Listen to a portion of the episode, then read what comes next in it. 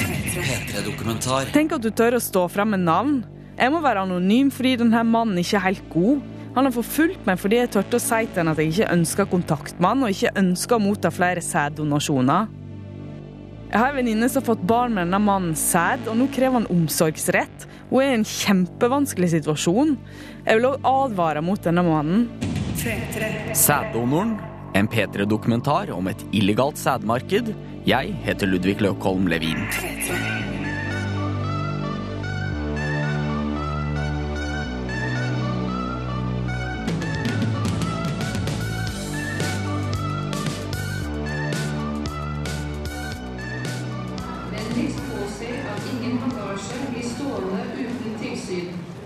Jeg føler nesten at det skal gjøre noe ulovlig. Det har ikke problemer med å forstå at folk ikke forteller noen at de gjør dette.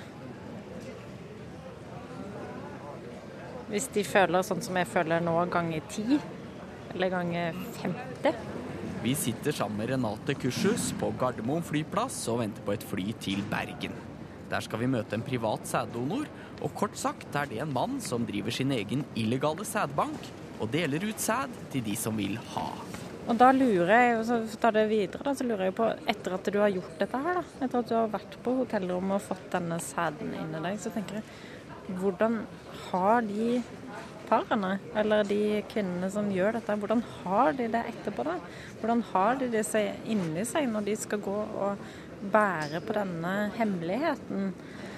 Som ikke bare er en hemmelighet fordi det er vondt og vanskelig å snakke om at man ikke kan få barn, men som er en hemmelighet fordi man har gjort noe som er eh, litt sånn lugubert. Renate Kursus har kort, mørkt hår, briller og en strippete genser. Hun jobber som frivillig i organisasjonen Ønskebarn og bruker store deler av sin tid for å bedre situasjonen for mennesker som sliter med ufrivillig barnløshet og infertilitet. I forbindelse med denne jobben har hun blitt oppmerksom på dette svarte markedet, og er bekymra for mangelen av kontroll. For det første så er jo dette med, med eh, donor, eh, sæddonor eh, i Norge, er jo begrensa. Det er jo begrensa for en sæddonor hvor mange barn kan være far til. Så det er jo åpenbart et problem. Hvis noen av disse donorene her har gjort dette 50 ganger, så må vi jo stille spørsmålstegn med hvor mange barn er de biologiske fedre til. Eh, og vi vet jo at det er veldig mange mennesker som strever med å få barn. Um, og da hvis mange nok av disse eh, tyr til denne løsningen, så begynner vi også å ha eh, noen menn i Norge som er fedre til ganske mange barn. Ordinær sæddonasjon er fullt lovlig her i landet og gjennomføres av det offentlige helsevesen. Men hvor stort det svarte markedet er, er det ingen som veit. Det eneste vi veit, er at det fins egne kanaler og møtesteder på nett der sæden distribueres, og vi vet at det er enkelte menn som er veldig aktive der. Har du danna deg noe bilde av hvem vi skal møte? Nei, det syns jeg er veldig vanskelig. Hvis du lukker øynene og prøver å tenke hvor vi er om to timer, hvem er det? Og det klarer jeg ikke. Jeg klarer ikke å se det for meg, fordi Kanskje jeg er litt forutinntatt? Nei, jeg er jo ikke det heller. Jeg klarer ikke å, å, tenke meg hva slags type er det vi møter. Er det en som kommer rett fra jobben i dress? Er det en eh, snekker med rørleggersprekk? Altså det Hvem er dette her, liksom? Det, kanskje det er derfor jeg blir litt sånn nervøs. Fordi at jeg klarer ikke Det er en så surreal setting. Etter hvert skal du få høre hvordan det gikk da vi møtte denne private donoren. Men først skal vi spole tida tilbake noen uker og starte med starten.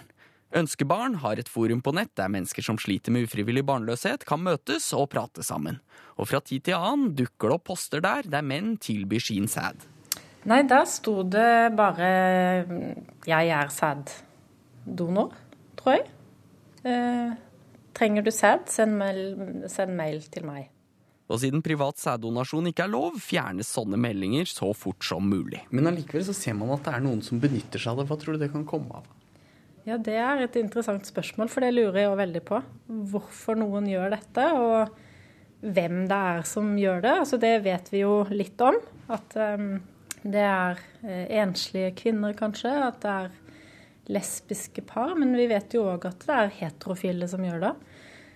Um, man kan jo egentlig bare spekulere. Uh, vet vi noe om liksom er det, Vet du noe om omfanget? Nei, det, det, vet jeg ikke. Men, men hvis man eh, gjør raske søk på nettet om dette her, så vet så ser, det, det tar ikke mange tastetrykk for å finne at, ut at det er en virksomhet. Men eh, det blir jo bare igjen spekulasjoner. Hvor mange egentlig som gjør dette her? Det, jeg tør nesten ikke å tenke på det, fordi det er eh, som sagt en ganske skummel business. Jeg aner ikke, rett og slett. Skal vi finne ut mer om dette, så kan vi begynne med mennene. Og det mest naturlige da er jo å snakke med dem, og de er ikke så vanskelig å finne, for de er nærmest formalisert. Enkelte menn har egne hjemmesider hvor de forteller hva de har å by på, men de fleste oppretter profiler på svenske og danske sider. Og vi tok kontakt med flere og ba om et intervju, men vi fikk ingen svar, så vi la en ny plan. Vi oppretta rett og slett en profil på en dansk side. Det må jo være Jeg tenker at vi kanskje skal være et eh, heterofilt par, jeg.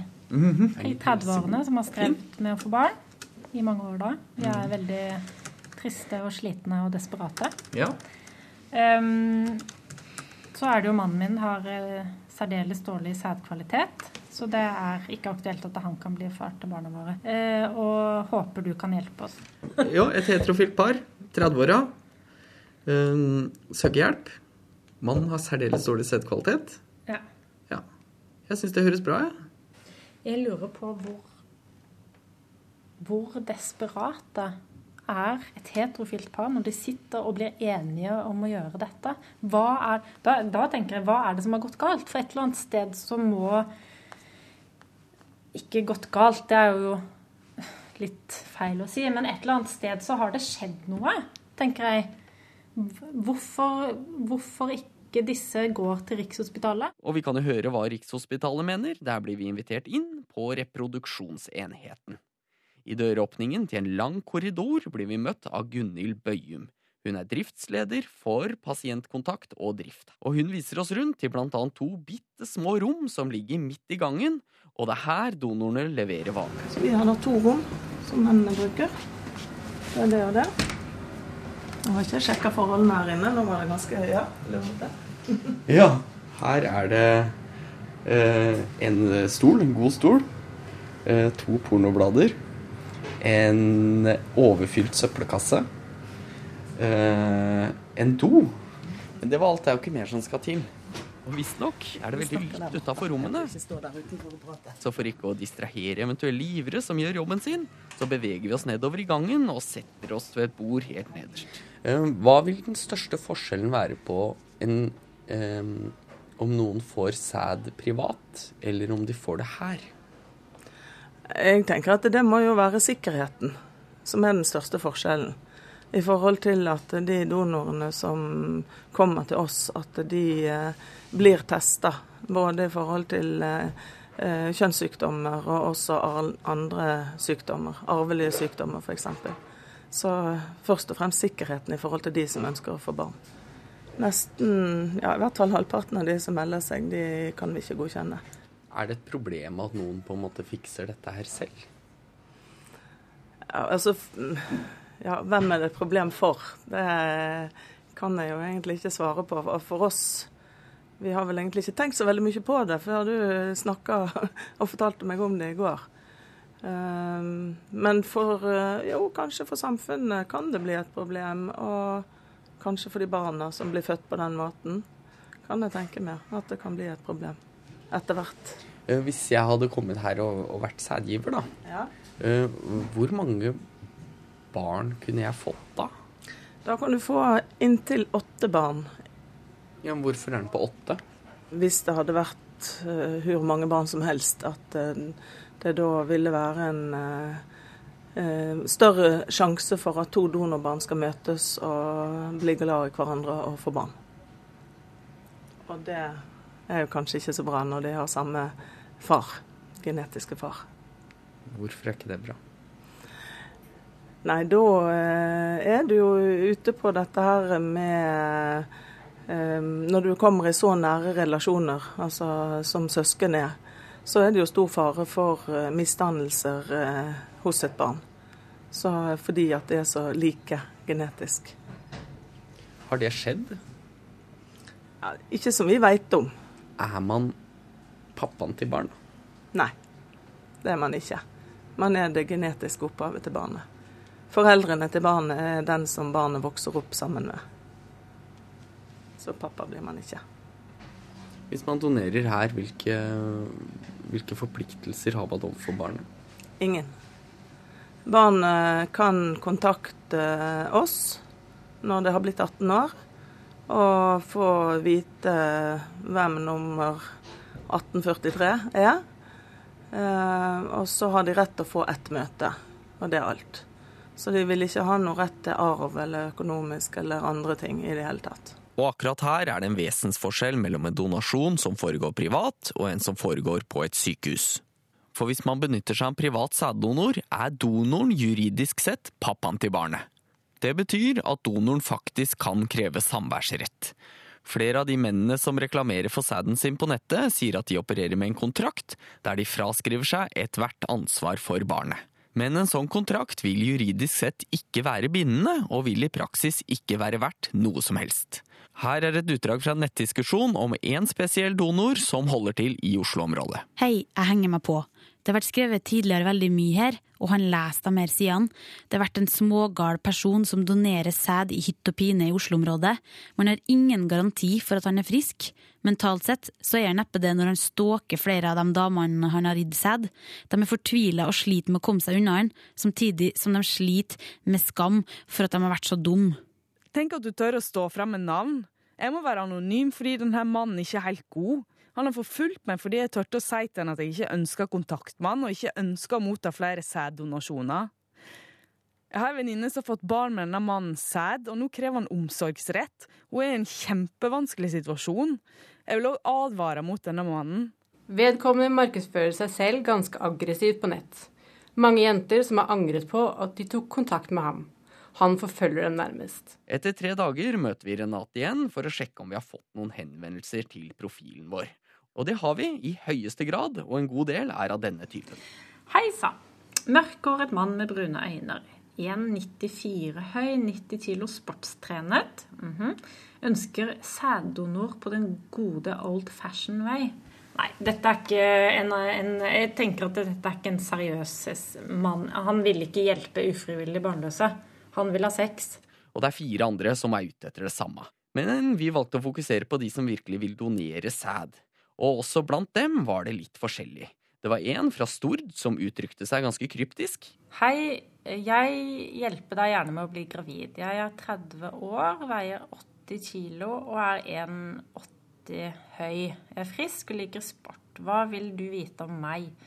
Jeg har erfaring med sæddonasjon, og jeg har hjulpet hjulpet kvinner med å bli gravid. Og det var en danske som nok ikke har fulgt så veldig godt med i seksualundervisningen. Jeg ønsker å donere seg til en pike eller et par. Det er gratis, og det er ikke involvert noen form for sex. Sæden leveres i en sprøyte. Alternativt kan mitt private depot sendes til Norge. Det kan det jo ikke. Da får man jo ubrukelig sæd. Det var ingen som krevde penger for å levere, men det var særlig én som utmerka seg. Han svarte allerede etter en og en halv time, og var veldig gira. Hei, nei, jeg bor i Norge og Bergen som råde. Jeg har donert privat tidligere, det går veldig greit. Den store utfordringen er å treffe eggløsningen, og at donor er fri for smittsomme sykdommer, ja. Siden denne måten å ordne ting på ikke er juridisk regulert i Norge, så vet aldri mottakere mitt navn. Sjølve donasjonen gjøres ved å levere det lille nødvendige i et plastbeger, så ordner du resten selv med en engangsbrett eller lignende. Etnisk norsk 1776, høy, grønne øyneblå. Utdannelse, masternivå innenfor teknisk Den er klar for det. Når har du eggløsning?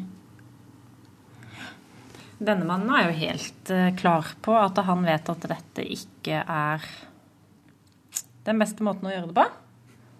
Men eh, det overrasker meg jo litt at han eh, ser på det som en stor utfordring å passe på at donor er fri for smittsomme sykdommer. Det er jo han sjøl. Den store utfordringen er å treffe eggløsningen. Altså det er, For kvinner som er opptatt av å få barn, så er ikke det en veldig stor utfordring. Det er veldig lett å finne ut av. Og dessuten så har man eh, all slags sånne duppeditter som man kan finne ut av det. Så det er ikke et problem. Og siden denne måten å ordne ting på ikke er juridisk regulert i Norge, så vet man aldri mottakeren hans sitt navn. Betyr det at han skal være helt anonym? Ja, det betyr det. At han, eh, han bare leverer noe i en kopp, og ingen har noe kontaktinformasjon på han, da, tenker jeg. Men han vet jo hva som er utfordringene ved å gjøre dette her. Altså ikke juridisk regulert og smittsomme sykdommer. Så han, eh, han, han handler jo med god innsikt i hva dette hva, God innsikt i hva som ikke er greit med dette opplegget, tenker jeg. da. Hva tenker du om at det tar en halv time før eh, folk begynner å tilby sine tjenester? Det er litt skremmende, fordi det betyr jo at noen her sitter her egentlig ganske sånn klare på hugg til tjenester, rett og slett. Altså, dette er en fyr som åpenbart veit hvordan det gjøres. Og han er, det er ikke noe snikksnakk. Altså, han er norsk. Mhm. Han er 1,76 høy. Han har grønne, blå øyne. Når har du ikke løsning? Men eh, jeg syns at denne mannen her virker som at han er altså Som du sier, at dette her er liksom noe han holder på med. Dette er en aktivitet som han er liksom litt inni her. Vet hvor han opererer, på hvilken side av lovverket. Men vi kan se, for han har skrevet en til her. Å ja. Han har skrevet to ganger. Men jeg Mhm. vil veldig gjerne hjelpe han, da. Besvarte jeg dine spørsmål tilfredsstillende? Ja, her nå har det jo gått en helg. Han svarte på noen timer, så han her er Han er, vil veldig gjerne hjelpe han. Vi korresponderer litt fram og tilbake via nettsida, og han forteller at han har gjort dette før, og at det eneste vi trenger, er en engangssprøyte og et sterilt beger. Videre skriver han blant annet følgende. Hei igjen, det varierer veldig hvor raskt man lykkes. Det er to jeg har donert til, som har blitt gravide, og begge ble det faktisk på første forsøk. Videre har jeg donert til kvinner som til slutt har måttet innse at de har ventet for lenge med å bli gravide, og derfor forblir barnløse. Gunhild på Rikshospitalet var som vi hørte i stad ikke klar over at folk benytta seg av private donorer på denne måten, men hun har en formening om hva det kommer av at de velger denne løsninga. Nei, det kan jo være at de f.eks. ikke har blitt godkjent til behandling hos oss. Kanskje single kvinner, for jo, de får jo ikke behandling i Norge. Eller de er ferdig med sine offentlige forsøk. Og dette stemmer jo godt overens med det mannen sier, og så er det én mulig årsak til. Og det er at det i Norge ikke er lov med ukjent donor. Det vil si at donorbarn kan kontakte sykehuset når de har fylt 18 år, og få vite hvem donoren er. Det kan hende det fins mennesker som ikke vil gi barna sine den muligheten, og det er Bøyum kritisk til. Det er jo fordi at øh, øh, barn som blir født øh, på denne måten, de skal ha mulighet til å finne sitt genetiske opphav. Og dette ble jo da det var jo 2005 det ble vedtatt. Så eh, for at barnet skal finne ut det, så må vi jo vite hvem donoren er. Er det viktig? Ja, det mm, er jo masse forskning som viser at eh, for eh, en del personer så er det viktig å vite sitt genetiske opphav. Det er jo mye forskning som er gjort akkurat på det. Så for noen er det viktig, og for andre så er det ikke så viktig. Så Derfor så har myndighetene bestemt at det skal være sånn. Gjennom sitt arbeid i organisasjonen Ønskebarn har Renate møtt mange mennesker som desperat ønsker seg barn. Og hun mener at grunnen til at enkelte velger privat donor, må være at de ikke har fått den hjelpen de har hatt behov for. Kanskje eh, hvis vi skal prøve å forstå, for det tenker jeg at det er litt viktig å prøve å forstå, hva er det som gjør at mennesker tar de valgene de tar? Og vi vet jo at eh, mange ufrivillig barnløse eh, er i en livssituasjon hvor de må ta mange valg. Ikke sant? Ehm, og så er det sånn at eh, ehm, man kan velge å takke ja til et tilbud om offentlig assistanse, altså hjelp i Norge. Eh, og så kanskje takker man ja til det, og så lykkes man ikke med det. Og så igjen man, må man velge. Skal man fortsette? Skal man velge en annen eh, vei eh, å få barn på? Eller skal man takke ja til et um, privattilbud? Da må man betale det sjøl, ikke sant. Så uh, la oss si at man gjør det. Og så gjør man det en stund, og så lykkes man ikke med det. Eh, og så kommer man til et nytt veiskille, da f.eks. hvor pengene sier stopp. Da har man ikke mer penger til å eh, få assistert befruktning i det private. Nytt veivalg. Mm, det er da jeg tenker at man begynner å liksom Hm, hvilke andre muligheter har vi? Og så er det sånn at det, ved alle disse veivalgene så tenker jeg at det, det er viktig å stoppe opp å reflektere, orientere seg litt. Og tenke OK, hvor vil vi? Hva skal vi gjøre nå? Hva bør vi gjøre nå? Og den, i den situasjonen så trenger mange av disse parene, eller enslige kvinnene for den saks skyld, trenger eh, nok eh, hjelp til å være i den refleksjonsprosessen eh, som det er. For det er tøft, det er vanskelig. De har mye sorg som de har båret med seg over lenge. Det har vært håp, skuffelser, opp og ned. Eh, og så tenker jeg at det er en liten del av de menneskene som strever med å få barn, som ikke sjøl klarer å sette grenser eller si stopp.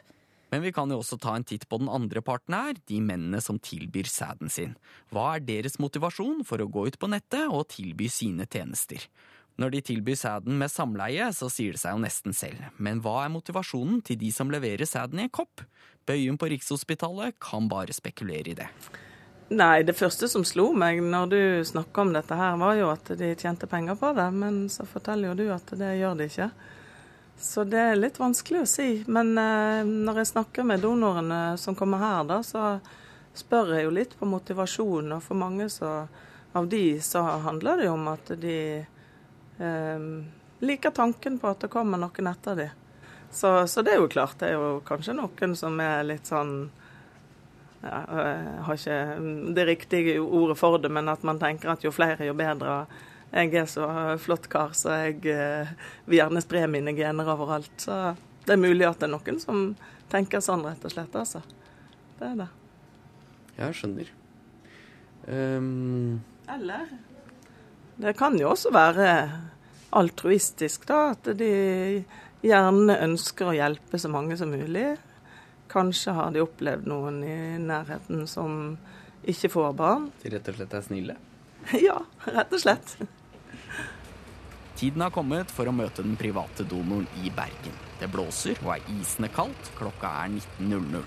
Avtalen er at vi skal møte han ved et hotell i sentrum. Og både jeg og Renate er spente, både på hvordan han er, og om han i det hele tatt kommer. Vi går inn på hotellet og kommer inn i en helt vanlig lobby. Resepsjonisten viser to turister et eller annet på et kart. En velkledd mann sitter med iPaden sin i en skinnstol, og et par står og prater. Men hvor er vår mann? Etter hvert ser jeg en mann med grønnbrune klær som står og tripper på utsida og kikker inn vinduet. Vi tar sjansen på at det er han. Er det vi som skal møtes? Vi må stoppe der lite grann, for resten av det du skal høre, er en rekonstruksjon av samtalen med donoren, lest av en skuespiller. Og grunnen til at vi har gjort det sånn, er at vi jo egentlig ikke veit om han fyren vi møter er en good guy eller en bad guy. Det spørs helt hvordan man ser det. De menneskene som har fått sæden hans, er sikkert takknemlige og setter pris på det han gjør. Eller så kan man se det på en annen måte. Kanskje er det en fyr som av en eller annen grunn vil gi sæden sin til flest mulig, og utnytte mennesker som er i en vanskelig situasjon, for å få gjort nettopp det. Er det kanskje vi som skal møtes? Ja, det, det er det vel gjerne. Ja, Så bra. Um, takk for at du kunne komme, da. Jo, det er greit. Jeg vil tro at det kanskje er en litt, litt vanskelig situasjon for deg, kanskje. Ja, så er det, det er litt eh, rart å ha sett deg, da, på en måte. Det er litt sært, men uh, det er jo en løsning. Han er i slutten av 40-åra og har begge hendene i lomma på en stor, tjukk jakke og en stor lue trukket godt ned mot øya. Han ser ut som en helt vanlig eldre mann, kanskje litt tykkfallen, og han snakker som en foss. Det var jo én da som jeg kanskje Det ble jo heldigvis ikke noe av, da, men det Men det var kanskje en som jeg ikke burde, burde hjulpet. Ja. Hvordan da? Nei, Hun var kanskje ikke helt ved sine fulle fem. Det, det skjønte jeg ikke før etterpå. Det, det ble litt uh, ubehagelig. Så får jo man no, noen ganger litt negative ting òg, da. Å ja, hvordan da? Av de du skal hjelpe, da? eller? Nei, eh, kanskje andre, da. Det er jo mange som reiser utenlands i stedet for å velge denne type løsninger. De har jo ofte et negativt forhold til det her. Ja. Men har du gitt i det offentlige helsevesenet òg, eller? Ja, men det, det er noen år siden, da. Og Samtidig så vil jeg ikke være villig til å stille opp ubegrenset. altså Når, når jeg bidrar til noen stykker, så, ja, så føler jeg ikke trang til å ha enorme mengder avlegger avleggere omkring. da. Nei. Hvor mange avleggere tror du du har, da?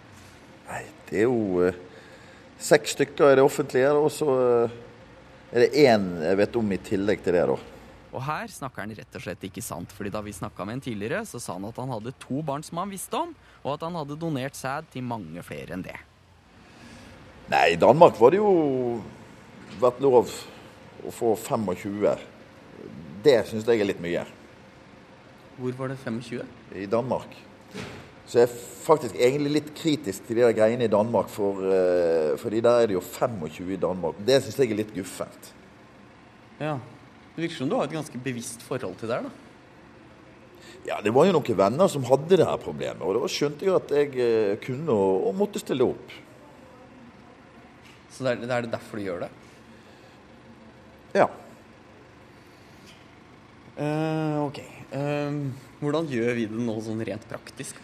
Ok, Det greieste nå det er jo at jeg låner eh, toalettet på rommet deres og eh, gjør det der. Og så går jeg, og så ordner dere resten. Det, det er den greie løsningen. Ja, og så er det engangssprøyte og en beholder vi trenger. Ja. Eh, hvis vi nå snakker med barnet, da, er det, er det liksom, har du lyst til å gi noe beskjed, eller er det noe, noe du har lyst til at vi skal si til barnet? Nei, Jeg vet ikke hva det skulle være. Jeg har ikke, det har jeg ikke tenkt så mye på, egentlig. Nei. Er det viktig for deg at barnet veit at det er et donorbarn? Nei, Det der må dere finne ut av. Men jeg har jo hørt at det er litt negativt hvis det kommer opp i voksen alder uten at de eh, visste det tidligere, da. Ja. Hvor finner du folk å gi til? Nei, det er jo svenske og danske sider og geysir her i Norge. Eh, men det er jo mer for lesbiske, da. Det var, det var jo to som fikk barn. Og begge de har jeg eh, truffet der. Ja, og så kommer det rare spørsmålet. Fordi det jeg driver med her, er eh, at jeg lager en dokumentar. Jeg lager en radiodokumentar og lurte på om du ville stille opp til et intervju. Og da er det selvfølgelig Du kan anonymiseres helt, og vi kan snakke helt om vi skal vrenge stemmen og sånne ting. Nei, det har ikke noe ønske om å stille opp på. Eh, familien min og venner aner jo ikke at jeg holder på med det. Det er jo, det er jo min ting. Du skriver altså at du ikke har noen arvelige sykdommer. Eh, Blei du testa for det da du var i det offentlige? Nei, det var ikke mye tester, da. Eh, Det var i forhold til hva, hva jeg sa, men eh, ikke som jeg vet om. Men de andre som du har hjulpet, da, har de liksom kommet med noe krav og noen helseattester eller noen sånne ting? Nei, da vil jo jeg røpe anonymiteten, på en måte. Um, så vi har jo hatt e-mailutveksling og sånn som viser frem testene, da. Men ikke noe, ikke noe utover det. Ok, Så hvis jeg hadde spurt, så hadde du hatt papiret på det? Nei, Nå har jeg ikke det med meg, da. Eh, Jeg fikk vel ikke det skriftlig av legen. Eh, du sa at du har hjulpet heterofile par òg. Ja. Hva er grunnen til at de ikke får hjelp i det offentlige? Nei, OK. Alder, eksempel. Hun ene var 41. øh, Og jeg har donert til noen som har gått opp i 30-årene. Jeg hører jo stadig om donorer som ikke donerer, men som forventer sex. Det var en som jeg donerte til, det, og som hadde gjennomført sånn samkvem. Hun sa jo at hun grein når hun gjorde det, og grein enda mer når hun var ferdig. Det er jo, det er jo egentlig en voldtekt. Ja. Da tenker jeg at eh, bedre å gjøre det litt mer ordentlig i måten. Jeg skjønner at eh, folk ikke har glede av å gjennomføre en sånn greie med en dame som ligger og griner. Nei. Det er òg noen gener å sette i omløp, da. Jeg måtte fortelle ham flere ganger at vi ikke skulle ha sæd, at vi bare ville snakke med han. Men da jeg sa det tredje gangen, var det akkurat som det gikk opp for han, og da ble han plutselig stille og gikk. Jeg og Renate rusler oppover i byen og snakker om det som nettopp har skjedd. Hva tenker du? Nei, Ludvig, jeg må summe meg litt nå. Dette ble litt Ja, det var ikke så skummelt, da. Han var veldig lite skummel, Ja, han var ikke skummel. Men eh, at han bare har gjort det to ganger, Det tror jeg ikke på. det tror jeg ikke på. For det, noen ganger så var det to lesbiske par, og så var det noen heterofile par.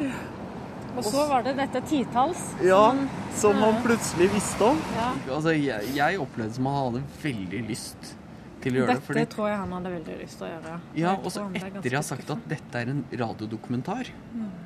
uh, og det er det vi lager Vil du stille opp i intervju? Nei, det har jeg ikke. Men da går han ikke. Han står fortsatt ja. og venter. Mm. Og så må jeg fortelle han det en gang til. At nei, du kommer ikke til å få For... komme til den koppen i dag. Og så ble han kjempeskuffa i ansiktet. Mm, han ble veldig paff. Jeg tror han ble ganske skuffa. Jeg tror at dette hadde han planlagt at han skulle gjøre noe. Men han sier at han ikke gjør dette for å spre genene sine, at han gjør det for å hjelpe. Og så har han jo meninger om hvor, at det er noe galt et sted, sånn at han må hjelpe. Men da ble jeg litt overraska over at han var faktisk ganske pratesjuk. Men han vil ikke stille opp til intervju og belyse problemområdene som gjør at han må hjelpe. Jeg og Renate kommer fram til flyplassen og går mot gaten for å få sjekka inn. Nå har Renate fått fordøyd opplevelsene litt og har om mulig blitt enda mer sikker i sin sak. Du tenkte deg da at vi tre skulle gått opp på hotellrommet. Så skulle vi ha liksom tatt av oss ytterklærne, og så skulle han ha gått inn på badet. Og så skulle vi ha sittet på utsiden og hørt at han gjorde det han skulle gjøre inne på badet, og så skulle vi Hvis jeg skal prøve å tenke meg videre de videre stegene i denne prosessen, så, så blir jeg ganske skremt av de følelsene jeg får. Fordi dette syns jeg er ganske problematisk.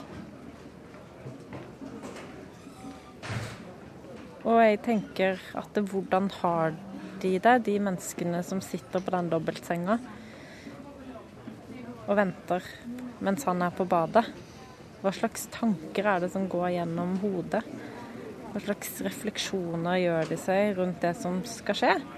Så kommer han ut fra badet, og så har han gjort det han skal gjøre. Og så går han. Og så sitter man der, da. Og så skal man ta den et skred, skritt videre. Og da jeg kjenner at det, det stritter sånn imot. De følelsene jeg har når jeg tenker på det, er, er vanskelige.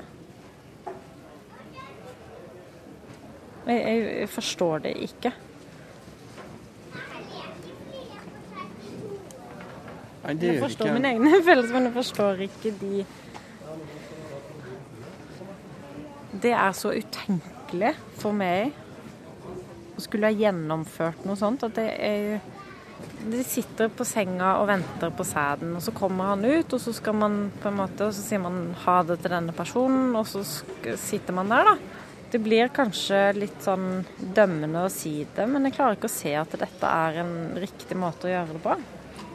Jeg får så mange ubehagelige tanker og følelser i meg. Og vi har ikke vært på det hotellrommet engang, Ludvig. Vi har vært nede utenfor og frosset i vinden og snakket med denne mannen. Og jeg kjenner et ekstremt stort fysisk ubehag ved å prøve å tenke på hva som hadde vært det neste skrittet. Ja, det er, eh, det er helt det motsatte av hva jeg tenker er greit, da. Og hva jeg tenker at Ønskebarn jobber for. Vi jobber for at mennesker som strever med å få barn, skal få hjelp i ordna forhold under de rette omstendighetene. La meg oppsummere sånn. Dette anbefaler jeg ingen å gjøre. Absolutt ikke. Jeg anbefaler alle som strever med å få barn å Ja, unnskyld, skvise den.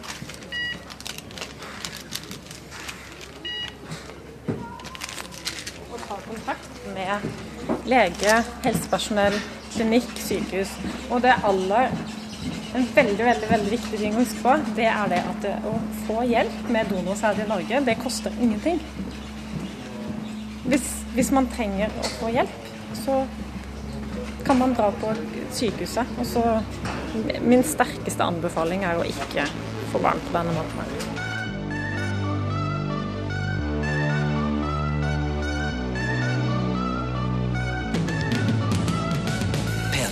P3-dokumentar søndag klokka ni på P3 og når du vil på p3.no.